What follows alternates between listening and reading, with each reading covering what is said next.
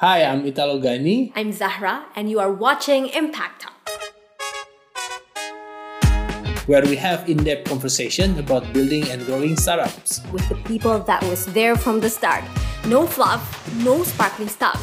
We dive in and tease out valuable insights and applied knowledge from our created guests. So that you can grow your startup and build successful company that will last. So, get ready to catch because someone is about to drop some wisdom.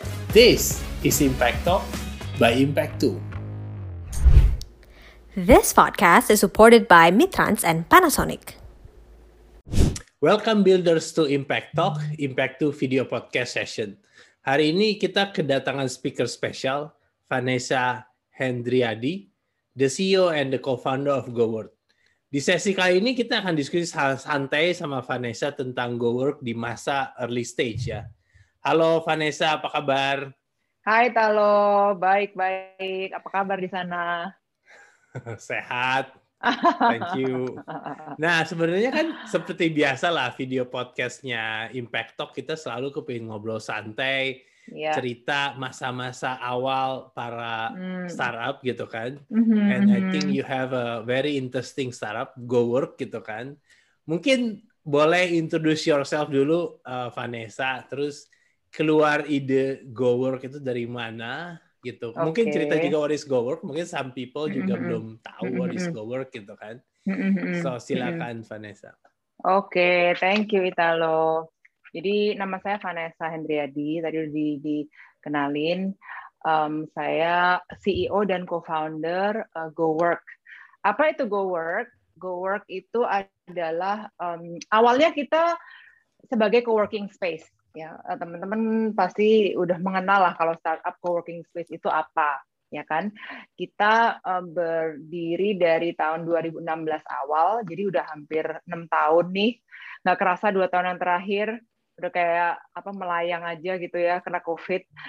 Tapi sekarang ya benar-benar udah hampir enam tahun um, uh, awalnya sebagai co-working space yang yang uh, lokasinya nggak nggak segede sekarang gitu ya cuma 200 300 square meter modelnya kayak semacam kayak kafe uh, di barangkali ya teman-teman ya, ya? di Setiabudi ya, ya di Setiabudi ya, ya, jadi ada ada kita kan kita kan kerjasama sama Isnaya kan. Jadi di sana memang ada ada baristanya, lalu tentunya di Budi kan dekat-dekat um, F&B banyak ya. Terus di City Love awalnya waktu uh, pertama lokasi kita yang pertama, um, tapi sekarang kita udah banyak sekali di uh, office office buildings yang um, kita ngambil lokasinya cukup gede-gede. Jadi lima lantai enam lantai gitu. Jadi benar-benar udah udah kayak kayak proper office lah ya kan proper office. Uh, so we call ourselves now not not just co-working space namun kita juga sebagai penyedia flexible workspace ya flexible workspace business platform di mana kita menggabungkan yang menggabungkan kebutuhan real estate dari segi office providing office space lalu kita juga providing the network of all the members uh, that we help di Go Work dari startup sampai yang conventional companies juga ada dan juga teknologi. Jadi kita dengan aplikasi yang kita kita bangun dari nol ya. So we actually have a, a uh, internal product team yang me membangun teknologinya GoWork untuk bisa me, um, membantu semua member kita untuk berinteraksi, untuk kenal satu sama lain gitu. Jadi it's it's more like a business platform berbasis um, real estate dan teknologi gitu.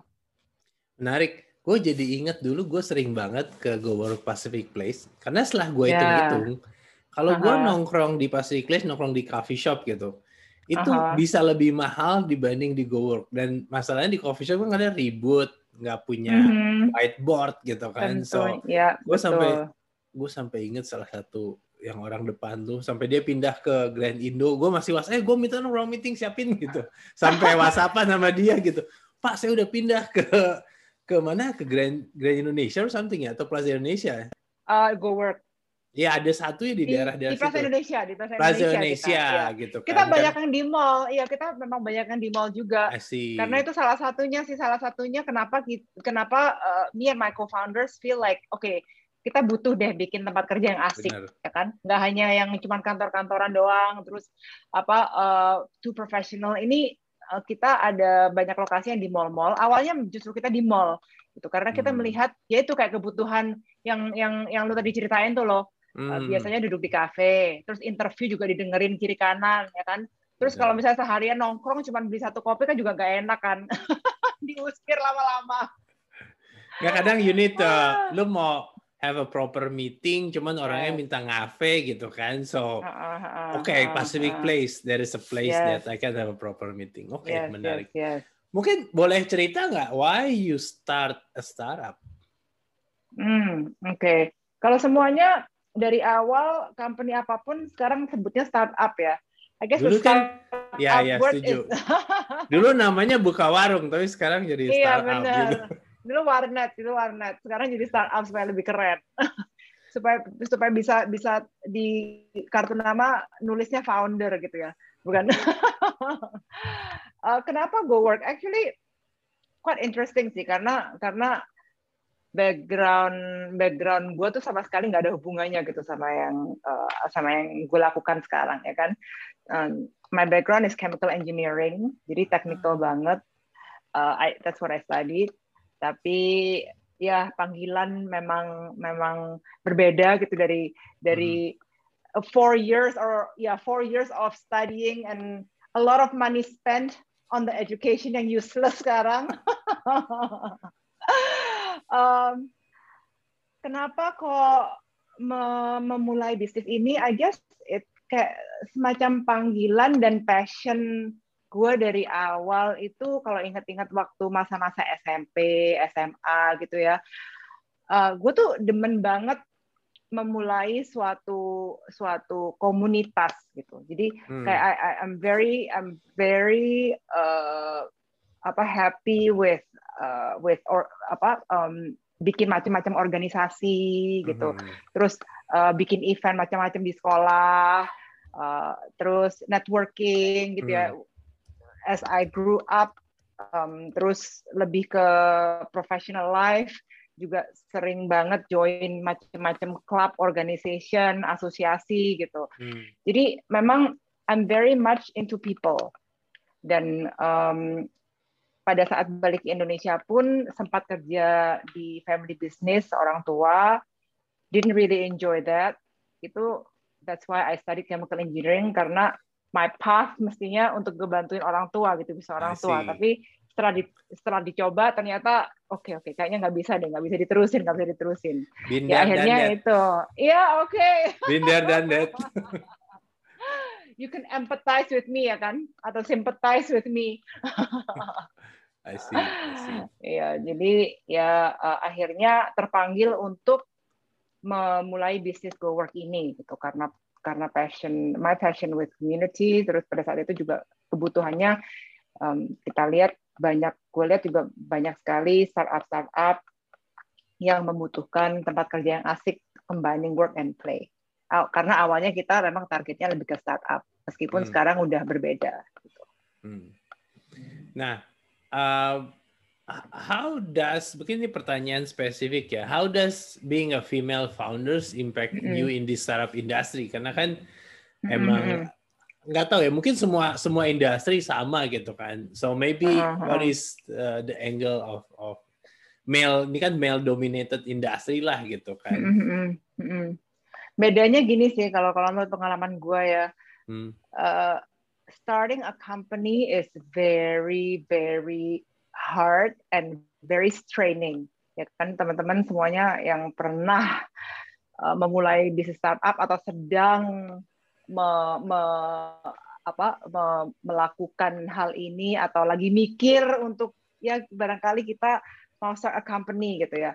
Don't think that is an easy thing ya kan?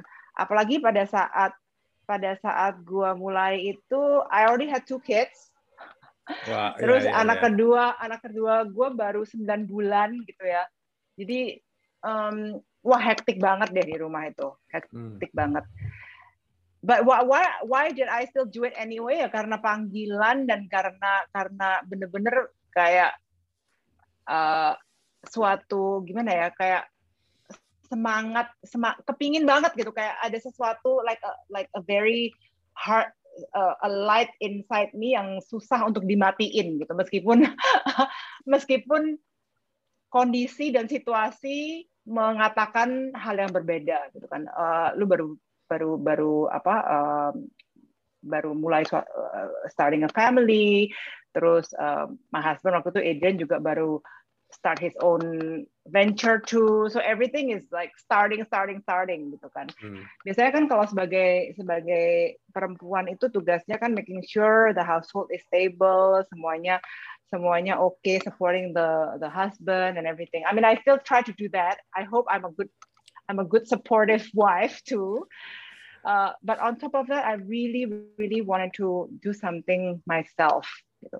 Jadi um, the biggest challenge as a female founder ya itu sih kalau menurut pengalaman gue sih bener-bener being being kind to ourselves gitu ya. Karena kita tuh kayaknya merasa kita harus bisa ini bisa itu dari A sampai Z tuh harus bisa semua ya kan?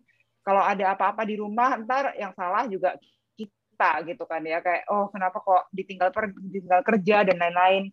So I think in the beginning my biggest challenge was really to be content dan puas dengan apa yang sudah gue lakukan secara terbaik gitu. This is my best, ya kan? Hmm.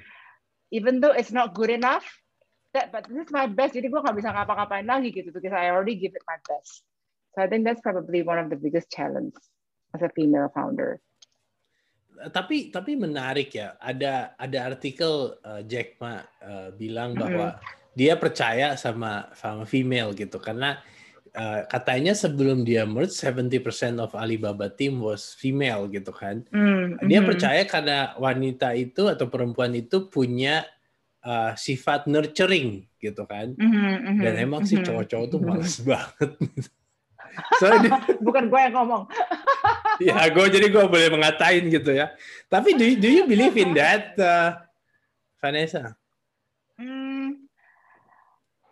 I I I hate to say I mean I don't want to be gender bias gitu ya, tapi kita semua menyadari lah kalau kalau cewek sama cowok itu the brain is wired differently ya kan emang hmm. kita adalah dua makhluk yang berbeda hmm. gitu hmm. jadi nggak ada yang salah nggak ada yang benar uh, kalau sifatnya cewek itu nurturing ya emang emang begitulah gitu kan kita kita di di dibentuk atau kita diciptakan um, cowok lebih agresif barangkali atau lebih berani ya kan lebih confidence dan cewek barangkali ada uh, ada ada terkesan kadang-kadang lebih wah um, you know maybe I, di belakang layar aja deh gitu. But I mean that's just how how we are, right? Tapi menurut gue sih ya semuanya bisa dilatih gitu. Kalau misalnya hmm. cowok mau jadi nurturing pun ya pasti bisa gitu. If if if you are a male who has to grow your company um, to a certain extent dan dan memang udah jelas gitu goalnya adalah untuk making sure that your company will last the next 20 30 years mm-hmm. then we can train ourselves nggak harus cewek gitu yang harus uh, apa um, nurture that company mm. in my experience very very important to have a team yang gendernya itu bisa be agak balance gitu mm. karena ya gitu cowok memerlukan cewek dan cewek memerlukan cowok. hmm. Ya, ya, ya. Ya, in a company too, ya. Yeah. Yeah, yeah. Nah, dan sebenarnya um, uh, uh, apa? Um, gua ngelihat bahwa uh, salah satu challenge terbesar dari company itu kan human resource ya. Dan kayaknya hmm. kita pernah uh, diskusi waktu itu mengenai hmm. human resource gitu kan. So yeah, lu boleh yeah. cerita nggak sih the, the pain point waktu lu start sampai sampai sebenarnya pain pointnya ada di mana sih uh, human resource itu? Uh, Oke, okay. awal-awal ya kalau cerita awal tentunya sebagai founder um, kita benar-benar harus bisa menjual mimpi kita, ya kan? Nggak hanya kepada investor, tapi juga kepada calon employee um, the people that you want to bring on board. Apalagi awal-awal gitu kan ya. Um, tentunya kalau pengalaman gue waktu start rework ya waktu itu lo kan waktu itu ingat ya waktu brand kita namanya Rework sebelum merger sama oh, GoWork. Iya, bener. Yes, itu Rework. yang waktu di City Love, di Setiabudi waktu itu mm-hmm. Rework sebelum kita kita ganti brand uh, menjadi GoWork setelah merger. Itu I was a solo founder, ya kan? I was a solo founder. It was very tough. Karena semua semuanya juga gue harus lakuin sendiri, ya kan? Dari hire OB sampai uh, ketemu investor gitu ya, fundraising. Um, kita yang waktu itu ke ke China, ya kan? Ke China bareng. Yes. You know, like that. trying to pitch in Mandarin. Gila, man masa-masa bahagia banget tuh. Kenapa lu bilangnya masa bahagia deh? Tadi kan masa-masa bahagia. Is it like ya lu nyindir because, atau gimana sih? Because because that's what what, what made us today kan. Yeah, yeah, yeah. Banyak banget yang perlu di masa bahagia karena udah berlalu. Oh, Oke. Okay. ya uh, pengalaman gue di human resource, of course kita harus bisa menjual mimpi kita untuk mendapatkan um, talent-talent yang bagus untuk join di company kita, hmm. because we cannot do everything ourselves tentunya. Uh, tapi kita juga tidak boleh uh, terlalu stres kalau orang-orang awal kita itu akhirnya meninggalkan kita gitu. Karena hmm, classic problem itu. Ya, banyak yang emosional the first ya, employee betul. yang kita bangun bareng kok cabut betul. gitu ya iya betul betul atau barangkali co-foundernya cabut lah ya kan? Atau ya banyak lah ya kan? My first few employees stayed with with us um, empat um, tahun tiga empat tahun lah semuanya kayak my first five employees gitu ya. Tentunya pada saat yang pertama mau cabut I was crushed right? I was like oh no. Apa udah dari yang the the the the, the closest pack udah ada yang mau cabut nih gimana gimana gitu. Yeah. uh, however company itu juga menjalani suatu stage kan ya menjalani suatu um, suatu proses di mana your company will meet different kind of people right? Terus you as a leader, if you're the CEO atau one of the co-founders, juga harus menjadi leader yang berbeda pada saat company kalian cuma bertiga gitu ya atau masih product testing masih masih apa uh, masih masih belum ada revenue gitu uh, dibandingkan pada saat kalian udah misalnya punya 50 employee atau 100 hmm. employee atau even one, 20 employee udah beda So uh, it evolves. Your people also have to evolve.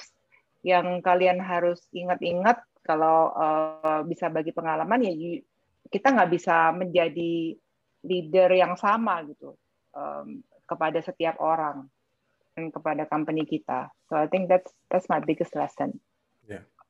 yeah, I think itu itu benar banget sih. Banyak sekali mungkin karena founders punya empati tinggi ya dan employees kan kerjanya ekstra ya karena ekstra serba ekstra begitu mm -hmm, some of the early employee left usually we mm -hmm. we get like very emotionally crushed mm -hmm. tapi emang gue setuju banget tadi yang Vanessa bilang ada stages kayak kita harus naik kelas gitu kan mm -hmm, dan as a leader mm -hmm. kita juga apa um, harus uh, berkembang terus ya Mm-hmm, nah, mm-hmm. based on dari 2016 kan, jadi udah udah lima tahun nih. Ada nggak sih uh, Vanessa um, the formula should we hire a fresh grad, should we hire a senior people gitu? Kalau lu bisa balik tahun pertama gitu, apa sih yang lu lakuin berbeda gitu in term of hiring gitu?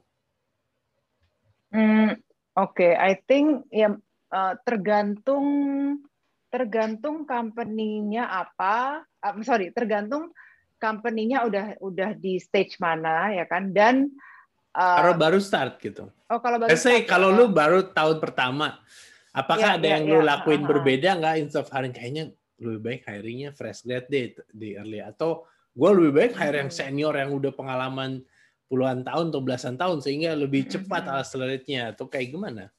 Hmm, oke. Okay kalau dari pengalaman gue ya, I, I can only share about my business, ya kan. Okay. Kalau bisnisnya berbeda, barangkali juga juga berbeda Pasti, gitu. Yeah.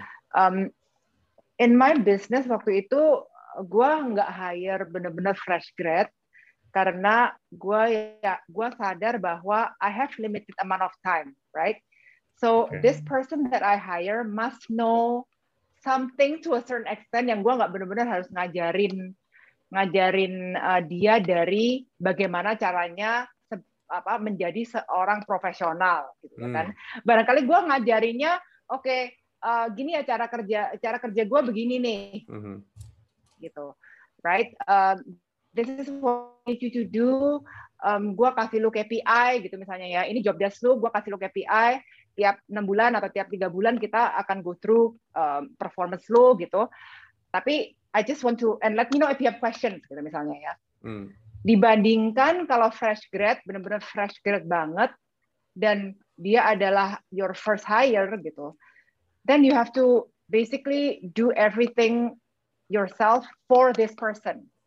Nggak hanya cuman buat company lo tapi juga for this person kan karena benar-benar I'm not saying that fresh grad all cannot do anything gitu. Cuman um, beda kan kalau udah pernah pengalaman punya pengalaman 2 3 tahun at least gitu ya paling enggak tahu lah gimana ya kerja profesional tuh gimana ya kan? Jadi kita nggak harus kayak ngecek ngecekin terus gitu. Apalagi sekarang semuanya serba virtual ya kan? Ini anak beneran kerja atau enggak gitu misalnya. Kan it's, it's such a waste of our time right? Hmm. gitu. Um, uh, kalau situasinya seperti itu gitu. Dibandingkan dengan yang benar-benar udah super senior maybe we do need that gitu. Kalau pada saat itu sih I wish uh, awal-awalnya ya pada saat gue masih solo founder I wish I had uh, a CFO gitu earlier misalnya yang bisa hmm. bantu gua fundraising, yang bisa hmm. bantu gua bikin deck while I'm in while I'm focusing on operation, focusing on the business gitu. Jadi kayak uh, menurut gua sih carilah orang yang bisa melengkapi lu gitu. Hmm. Kalau kalau lu kuatnya di finance, jangan cari orang finance gitu. Lu hmm. cari orang yang bisa sales gitu misalnya ya kan. Hmm because it's very important for any business to have a salesperson. Hmm. ya kan? Um, ya gitu yang melengkapi lu uh, orang kayak gimana gitu. I see. So tadi lu lu statement agak keras. It's very hmm. important every business have a salesperson. How important hmm. salesperson? Penting banget loh kalau kalau menurut gua dan pengalaman hmm. gua ya. Karena apa pun apa pun yang kita lakukan menurut gue there's a sales component hmm. ya yeah, there's always a sales component into it hmm. gitu gue juga lewat startup Indonesia terus uh, gue juga uh, mentor di beberapa di beberapa accelerator program yang lain um, kalau tim inti tim inti dari company itu nggak ada yang bisa ngejual gitu ya. Ngejual tuh artinya bukan bukan hanya ngejual untuk revenue ya. Ngejualnya tuh ngejual mimpi gitu. Ngejual mimpi lo ngejual ngejual uh, future uh, future of the company. And I'm not saying it's all BS but it's really something that you believe you can build ya kan mm, bukannya mm. bukannya cuman kayak salesman car salesman yang cuman nge BS gitu but yeah. really someone yang yang bisa ngejual um, the company to the investor to the employees to to uh, the stakeholders mm-hmm. supaya so people so you can start having traction right you can have mm-hmm. good talent you can have like good traction um, bisa bisa bisa ketemu investor juga gitu misalnya uh, instead of maybe you have a very very brilliant idea cuman nggak bisa mengkomunikasikan itu itu juga su sulit ya yeah, ya yeah. mm -mm. Oke, okay, let's let's move on to more technical question. Kalau di okay. GoWork, spesifik untuk hmm. untuk bisnis GoWork ya, which is uh, co-working, uh, hmm. biasanya analitik atau KPI apa sih yang yang kalian lihat? Do you have like a daily target atau monthly target apa sih uh, yang kalian hmm, lihat ya? Hmm, hmm okay, Kalau okay. e-commerce kan jelas gitu. Tapi di GoWork yeah, apa yeah, sih? Yeah. Ha, ha, ha. Um, kalau di GoWork kita setiap tahun dari top management, hmm. jadi kayak ya saat-saat seperti inilah akhir tahun ya, kita bikin um, OKR (Objective Key Results) ya untuk tahun berikutnya, tahun depan gitu. Biasanya kita nggak banyak-banyak, cuman empat atau lima yang top metrics ya, top metrics yang kita ukur um, yang nantinya gue serahkan ke department head head masing-masing hmm. supaya mereka bisa bikin KPI untuk department mereka to support those main OKR gitu. Hmm. Um, Apa berapa, tuh metriknya? Boleh oh, nggak oh, dapat well, bocorannya?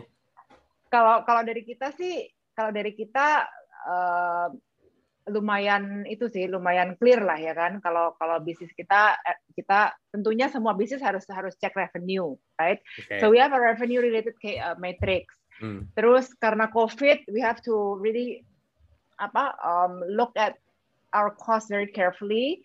Jadi kita juga melihat um, expenses atau burn rate ya kan yang tiap bulan kita kita monitor juga Lalu uh, yang ketiga itu berhubungan dengan occupancy, ya.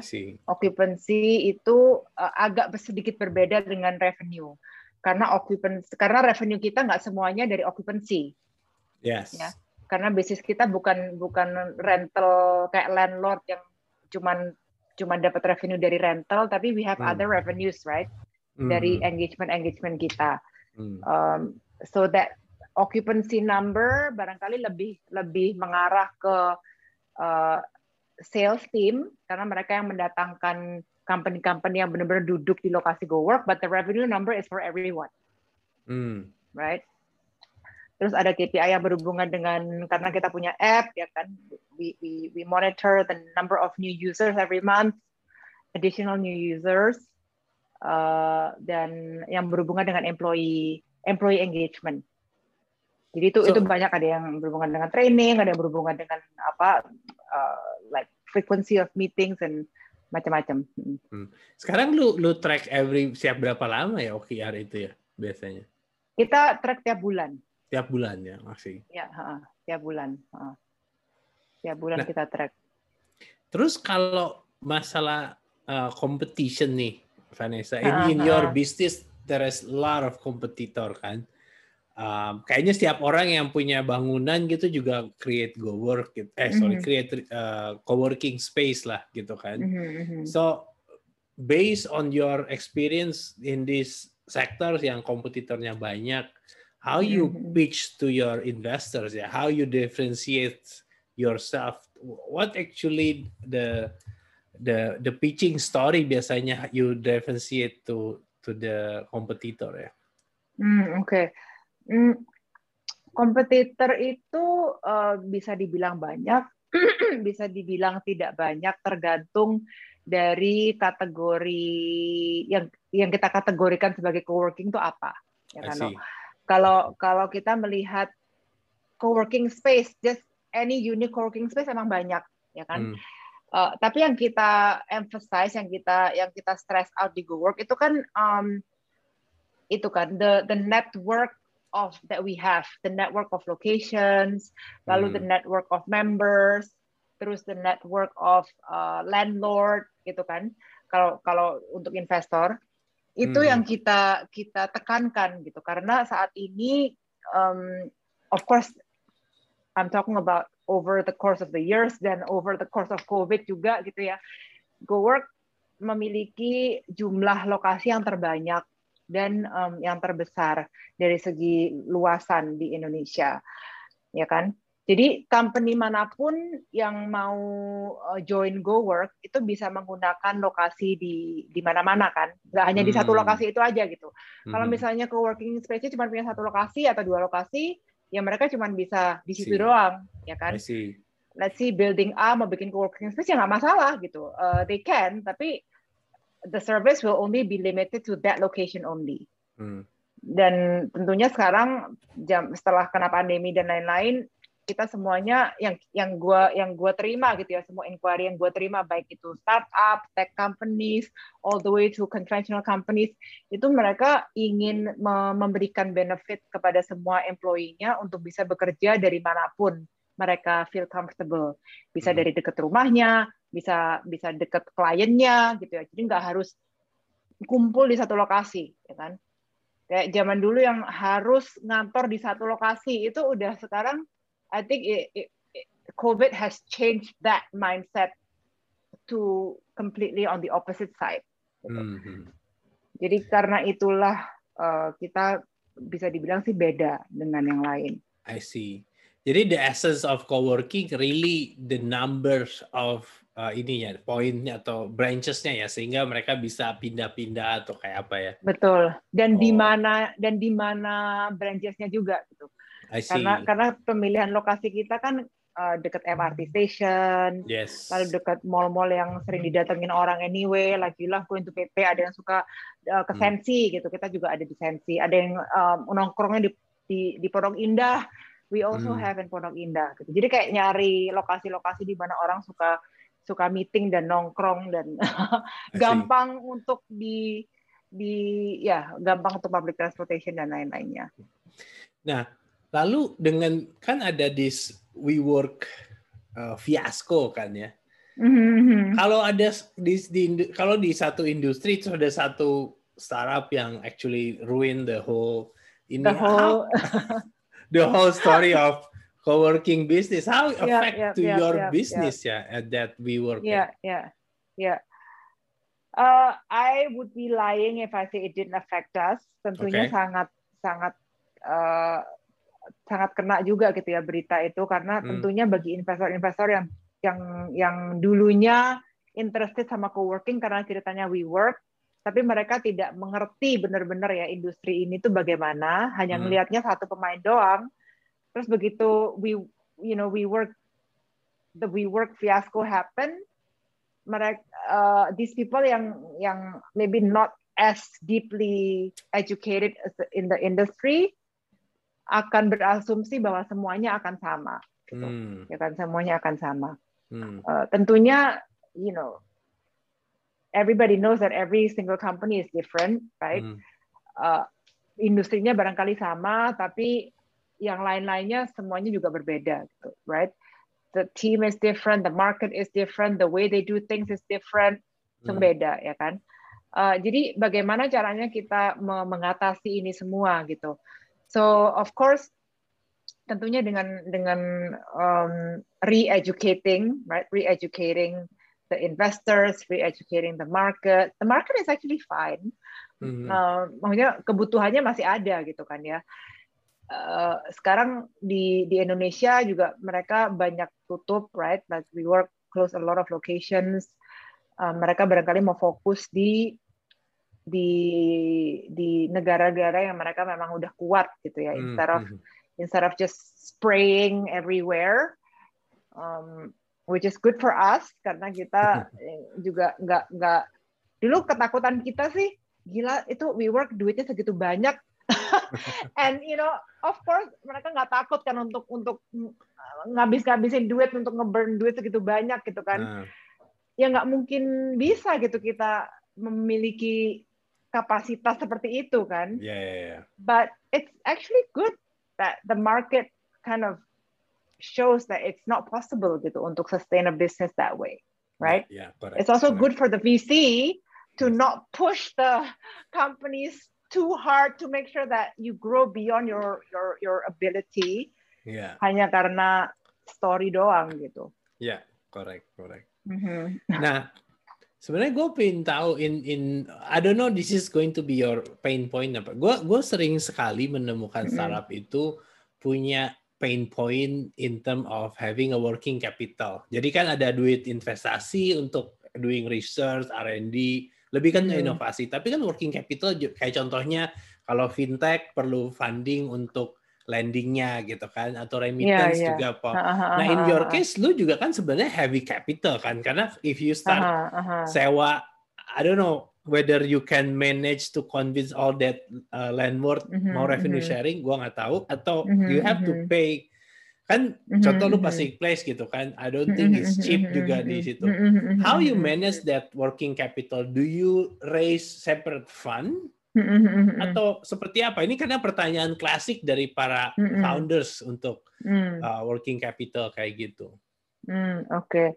uh, memang kita harus harus ngaturnya I mean pinter-pinternya kita ngatur sih ya. Kalau kalau hmm. di bisnis bisnis uh, kayak go work begitu hmm. awal-awalnya di mana kita masih belum punya brand awareness masih punya satu lokasi atau dua lokasi akan sulit uh, bukan akan sangat sulit udah terjadi soalnya sangat sulit untuk me meyakinkan landlord atau uh, pemilik gedung untuk investasi gitu ya kan karena kan masih belum terbukti kan produk kita tuh masih belum terbukti gitu hmm. jadi awal awalnya tentu untuk capex itu kita lebih berat uh, spendingnya karena kita harus me, me, membuktikan dulu bahwa bahwa produk kita itu akan seperti yang kita ceritakan di pitch deck gitu kan hmm. Hmm.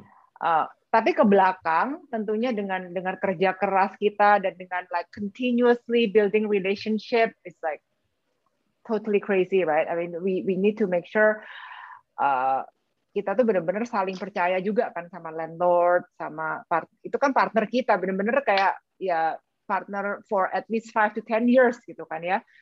Um, mereka bisa men mendapatkan keuntungan yang yang menarik gitu hmm. dengan adanya Go Work. Hmm. Karena like you said earlier, right? Setiap pemilik gedung bisa me, me, membangun co-working space di gedung masing-masing. Emang hmm. bisa gitu, tapi apakah mereka tahu bagaimana caranya mengoperate sebuah co-working space?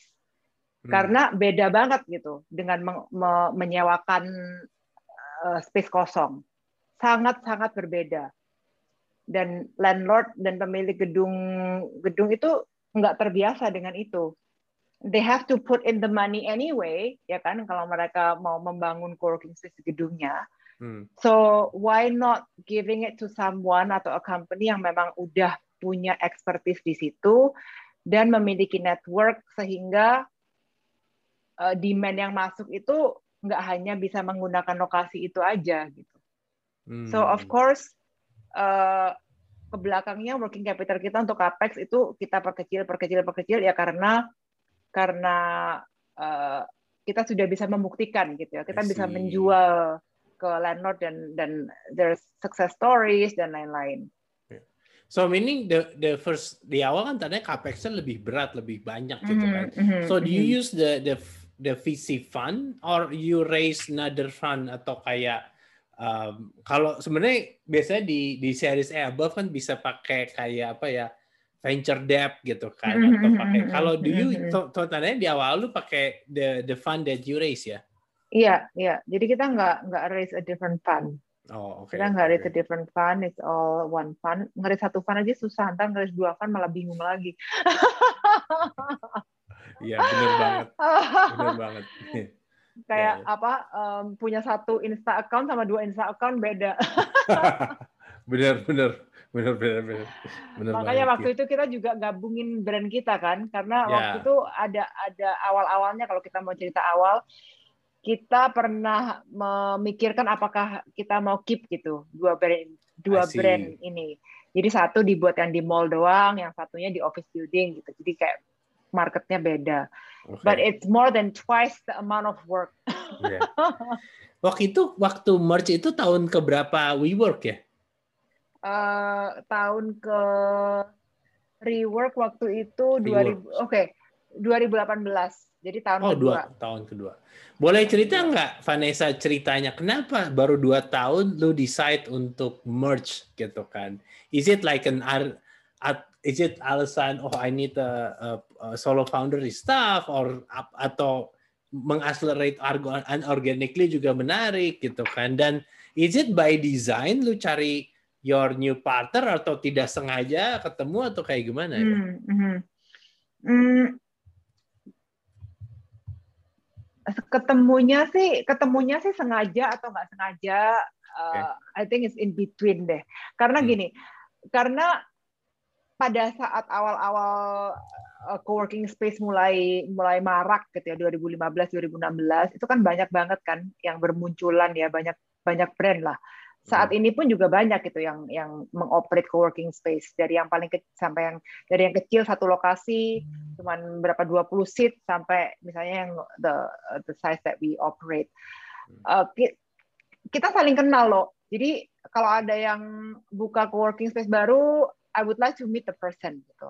I see. Uh, nggak nggak mikir untuk gabung atau apa pokoknya ya kepingin kepingin itu aja kepingin kenal kepingin gimana caranya kita bisa partneran ya kan hmm. uh, gimana caranya kita bisa membentuk komunitas atau ekosistem yang uh, barengan gitu ya so waktu dengan Go Work itu pun juga sama so I went to their opening mereka kan buka lokasi pertama mereka setahun setelah gua uh, buka rework kan hmm. so ya udah mereka buka, I went to their uh, location, terus ternyata salah satu foundernya tuh gue udah pernah kenal gitu dari beberapa tahun yang lalu kayak hmm. temennya teman gue gitu ya kan. Hmm. So then we started talking, terus um, kita cerita-cerita uh, biasalah gitu cerita biasa. Uh, kalian kalian kenapa bikin coworking space? Terus uh, kalian rencananya apa gitu dengan bisnis ini hmm. dan lain-lain. And it was actually quite interesting karena kita merasa kita memiliki mimpi yang sama, kita hmm. memiliki aspirasi yang sama. Pada saat itu mereka uh, the co-founders um, memulai bisnis itu tuh sebagai kayak hobi lah gitu, kayak hmm. passion project gitu. Hmm. Tapi setelah setelah kita ngobrol, and I was full time kan. Waktu itu mereka nggak ada yang full time, kayak ya udahlah oh, satu lokasi doang gitu ya. Misalnya hmm. paling banter dua lokasi lah, that's it but then we started talking and then we kita merasa bahwa ada ada jalan gitu. Kalau kita menggabungkan kedua bisnis ini dan benar-benar kita seriusin hmm. gitu ya benar-benar kita seriusin yaitu akselerasinya akan jauh lebih cepat. Kita bisa uh, punya co-founding tim yang kuat gitu ya bisa mm-hmm. bisa memanage bisnis ini. And that's how, why why we did it. So it's not something that you design jauh-jauh hari lah ya. It's it's more about tadi kan mungkin kesamaan mm-hmm. visi dan dan segala mm-hmm. macam ya. I see. Mm-hmm, betul betul. Ya. Oke. Okay. Karena kayak kayak jodoh lah, kayak jodoh yeah. kita nggak bisa nggak bisa merencanakan tahun berapa gue mau nikah gitu ya kan? Ya, ya, ya. Banyak kok yang rencana mau nikah oh, mah. Okay, okay, ya, ya. Tapi nggak ada yang nggak tahu play on time apa enggak gitu. betul betul. Nah, mungkin ini ada ada dua pertanyaan terakhir dari gua. Satu more into professional, satu lebih semi personal, semi professional. So gua sebenarnya minta advice lah. So maybe this is untuk para builders yang lagi bangun startup. Maybe uh, can you give like a tips buat uh, buat para builders untuk bangun startups? Hmm, oke. Okay. Um, tips tipsnya yang mengenai apa nih? Any tips? Any tips? To them for to survive. And, and sustainable for sure kan? Ya ya ya benar-benar um, I think uh, what kept me going itu um, mengetahui bahwa bahwa we are not alone. Ya yeah, we're not alone. Startup founder itu adalah pekerjaan yang kadang-kadang kita merasa kita lonely banget gitu ya. Karena we have to work so hard uh, we we have to uh, we have to face so many rejections ya kan? Rejectionnya dari mana-mana gitu. Dari customer iyalah dari investor iya dari employees kadang-kadang iya gitu kan. Jadi kita me me melihat oh ini kandidat ini pas banget nih buat gua. Tapi kita nggak bisa afford gitu ya. So many things right? Lebih Dalam nih. iya. Jadi uh, tapi Uh, the good thing is that we are in in in a time or period di mana banyak sekali support support system dan mentor-mentor you know like what you're doing now Thank gitu you. yang yang sangat amat bisa membantu uh, kita semua gitu untuk step up to the next level gitu. Okay. Dan it's okay to to to be scared. It's okay to to uh, be apa tuh namanya uh, to feel down sometimes kita semuanya manusia ya. Cuman um, jangan lupa untuk uh, take a break so that you don't get burned out gitu. Karena kalau kita udah burn out itu kita nggak bisa ngapa-ngapain sih. I mean because I, I've I've experienced it. Ya yeah, hmm. I've experienced it many many times in my early early days.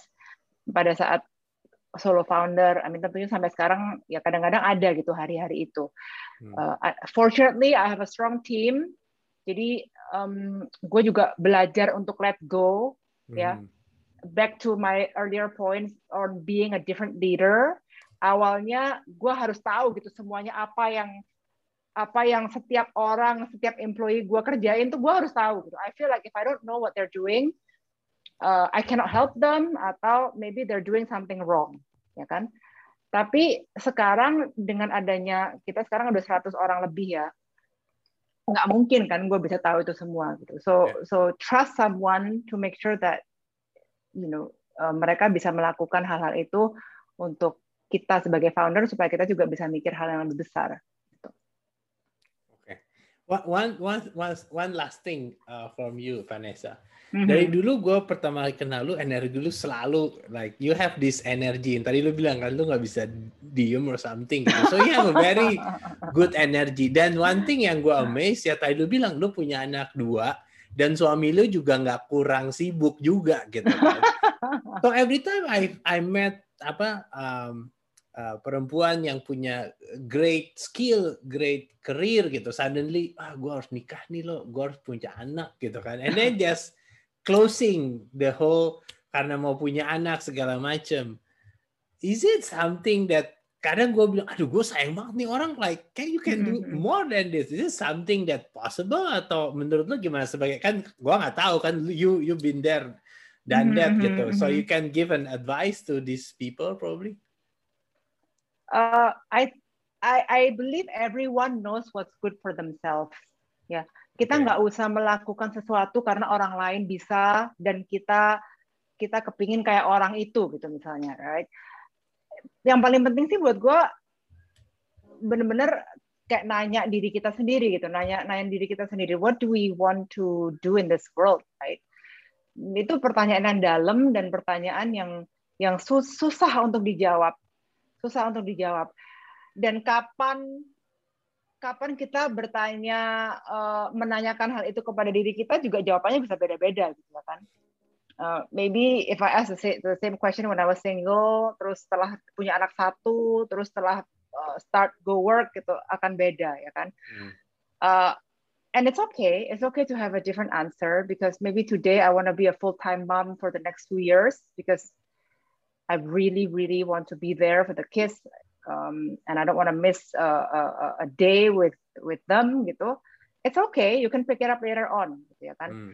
Yang yang nggak oke okay menurut gua adalah doing something because somebody else expect you to do it atau you want to be like someone else. Hmm. Not uh, not kar bukan karena keinginan kita sendiri gitu. Hmm. Ya. Yeah. But to ask you, to answer your question, is it possible? Yes, it is. Okay. Yes, it is possible. Yeah. Yang penting itu adalah kemauan kemauan kita. Yeah. Mm -hmm. Okay. So thank you so much Vanessa for the session. Hopefully uh, semua para builders yang di sini dengar terinspirasi dari cerita-cerita lu ngebangun GoWord dan mungkin untuk para um, uh, ibu yang punya anak dan mau starting up hmm. something bisa kontak Vanessa juga via LinkedIn tanya gimana apa how how easy or how how interesting to starting up uh, a tech startup gitu kan. So thank you Vanessa for the time for the sharing ya. Thank you so much. Thank you Italo. Thank you yeah. semuanya. Good luck.